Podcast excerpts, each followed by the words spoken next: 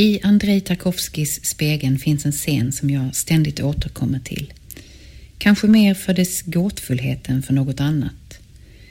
Det är när filmjaget i ett tillstånd mellan dröm och vakenhet mot slutet av filmen återbesöker sitt barndomshem.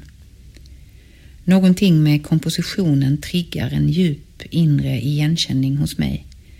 Kamerans trevande sökande från rum till rum, de fladdrande gardinerna, den av drömmen förskjutna ljudbilden. En känsla av att befinna sig i det hinsides och samtidigt alldeles tätt inpå en levd erfarenhet. Citat.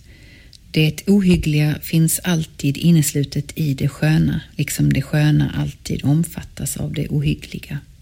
Detta fantastiska, närmast absurda motsatsförhållande som genomsyrar livet får i konsten manifesteras som en på samma gång harmonisk och spänningsladdad enhet.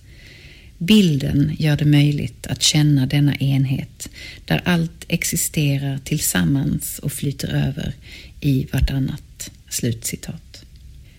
Orden är den ryske filmkonstnärens ur boken Den förseglade tiden, apropå bilden som liknelse.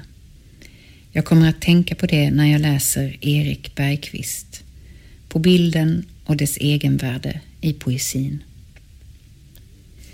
Det är drygt 20 år sedan Erik Bergqvist gjorde poesidebut. Nedfrysningens konst utgiven på blygsamma Ruin förlag visade sig bära raka vägen till poesipanassen.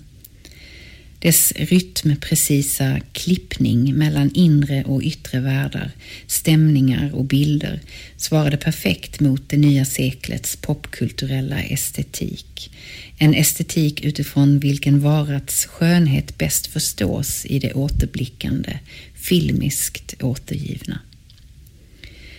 I samma debut anades samtidigt ett inneboende motstånd riktat mot det egna diktandets svärmiska tendenser. Den plötsliga och oväntade abstrakta vändningen hade redan kommit att bli en del av Bergqvists signatur.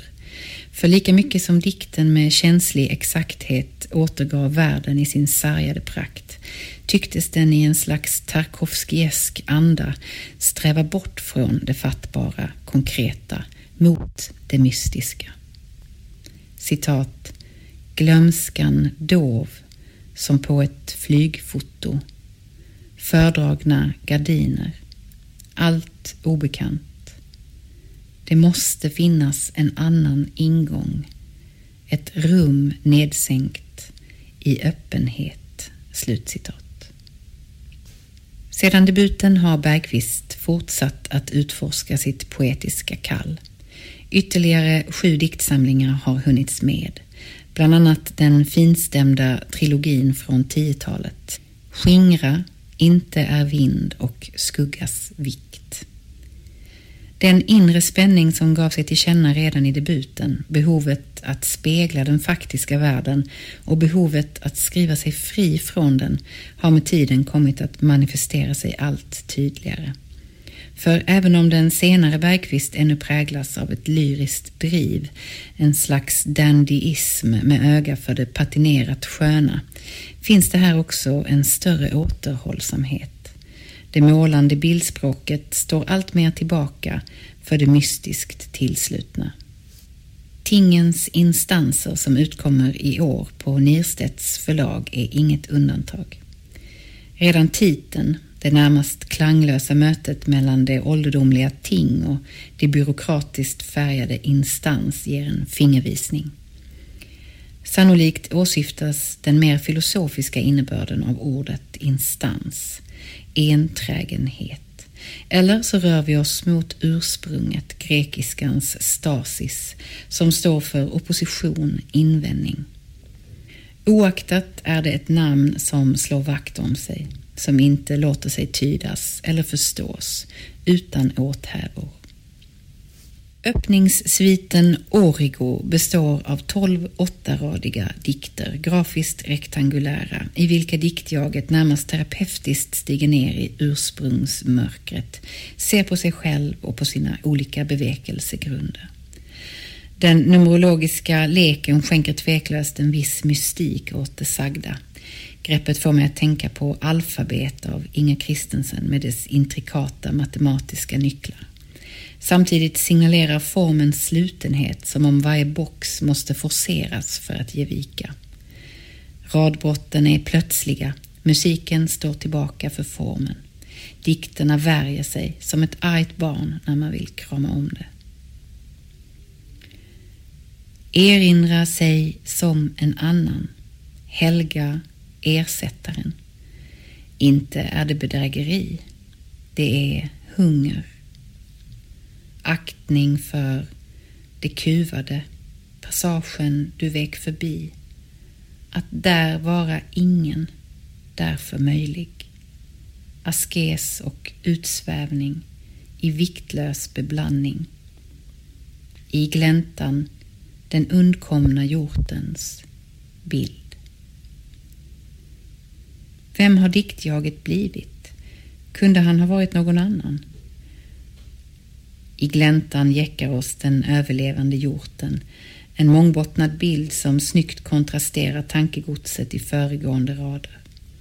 Åter visar Bergqvist prov på sin känsla för det samtida.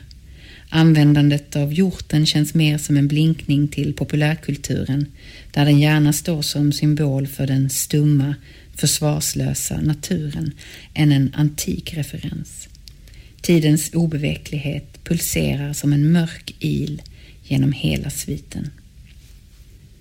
I andra delen, ur Solens dagbok, sker ett temposkifte. Partiet består av kortare dikter ordnade efter bokstäverna i det grekiska alfabetet.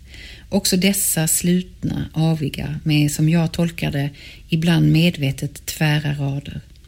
Dikterna vacklar fram som fragmentariska iakttagelser, ett sömndrucket babbel, självupptaget, deprimerat. Citat, regnbågen, den låtsas och jag kan inte söndra bara förmera min inbildning. Slutcitat. Det är först när jag når fram till inifrån grafen som verket sänker garden något. Här presenteras jag för tio konventionellt betitlade dikter. En uppkallad efter den burgundiske tonsättaren Josquin de Presse, en annan kromatiskt klingar tonsättarlingo, ytterligare en annan är döpt efter en blomma, gul måra. Det är klassisk tematisk diktning så som den såg ut när poeten själv växte upp. Inte särskilt tidsenligt kan man tycka, men jag köper ändå det anakronistiska tilltaget. Det finns en ärlighet i det som tilltalar mig. I Inifrån grafen återfinns också titelspåret Tingens instanser. I denna dikt försöker poeten ge ord åt avförtrollningens mekanismer. Han gör det med den upplystes deprimerande klarsyn. Men just nu, en pauserad vintermorgon, utsänder de ett enkelt men väldigt memento. Att deras kod vilar på intet. Se oss så noga du kan, säger sleven. Rödlöken och den kitschiga ministatyn av Pallas Athena. Du blir du i förgängelsen. Verket förseglas av ytterligare tolv grafiskt boxade dikter, åter under namnet Origo. Därefter följer kåda, gnistregn, avfall, nästan 20 sidor, som i sin tur följs av en sista mycket vacker dikt, Förmiddag. Några sidor in på kådan börjar jag emellertid flacka i min uppmärksamhet. Med tanke på den densitet som verket uppvisar är det knappt att jag orkar. Tvärtom mot vad man hade kunnat vänta visar sig kådan i sin fritt flödande tanke vara mindre av ett avrundande musikaliskt tillägg och mer av ett slags ångestutlopp. Och även om det har sina poänger att i formen försöka få fatt i något av uppgivenhetens, depressionens navelskådande ältande hade kanske en lite stramare redigering inte skadat här. Om än skiftande till sin form är tematiken sammanhållen verket igenom. framträder ett diktjag som i förtvivlan försöker orientera sig i en värld där spirande gryningsljus blivit obarmhärtigt skymningsljus.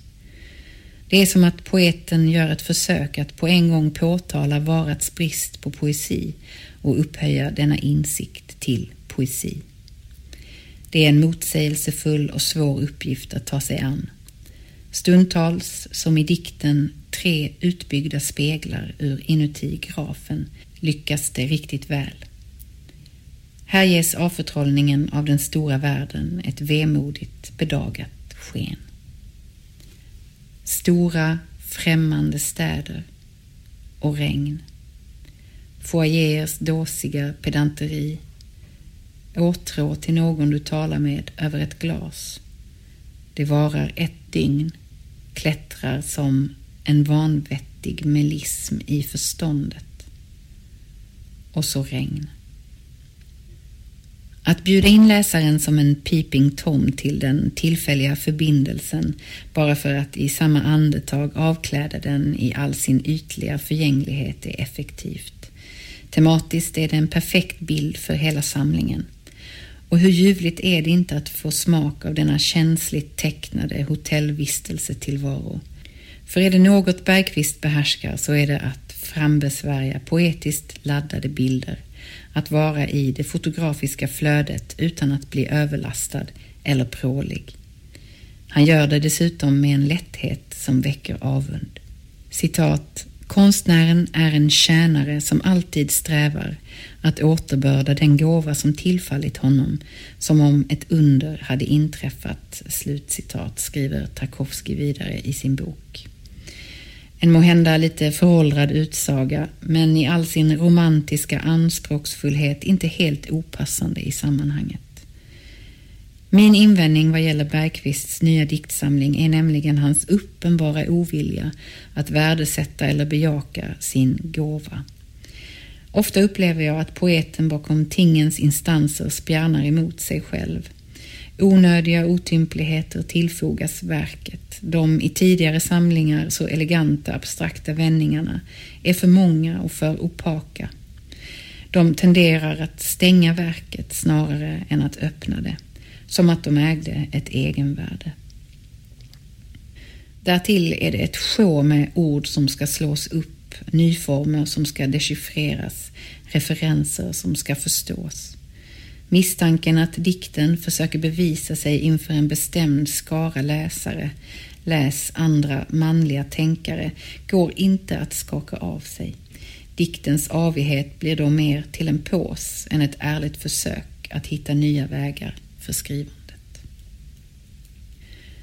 Med detta sagt, när Bergqvists slitning mellan förnuft och känsla gestaltar sig bortom det tänkta när Bergqvist låter bildhuggaren, den sensible drömmaren, få fri lejd skapar han poesi att värna och älska, att som en ärgad talisman varsamt lägga under kudden.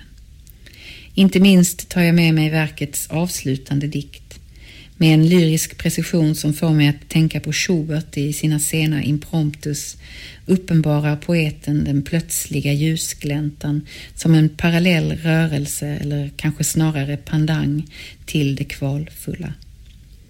Diktjagets sårbara, ärliga själv ger sig till känna, står svajande och ser med stadig blick på mig.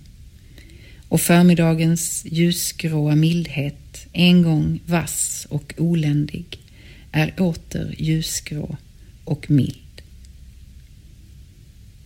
Förmiddag, fågelskuggor.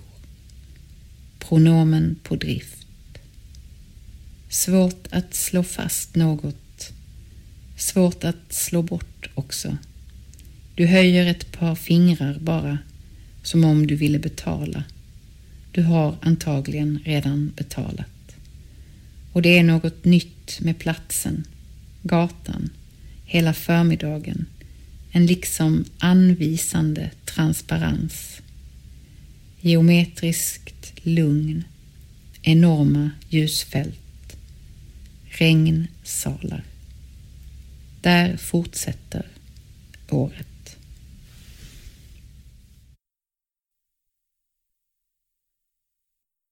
Den här recensionen är originalpublicerad på www.ornenochkrakan.se under ansvarigt utgivarskap.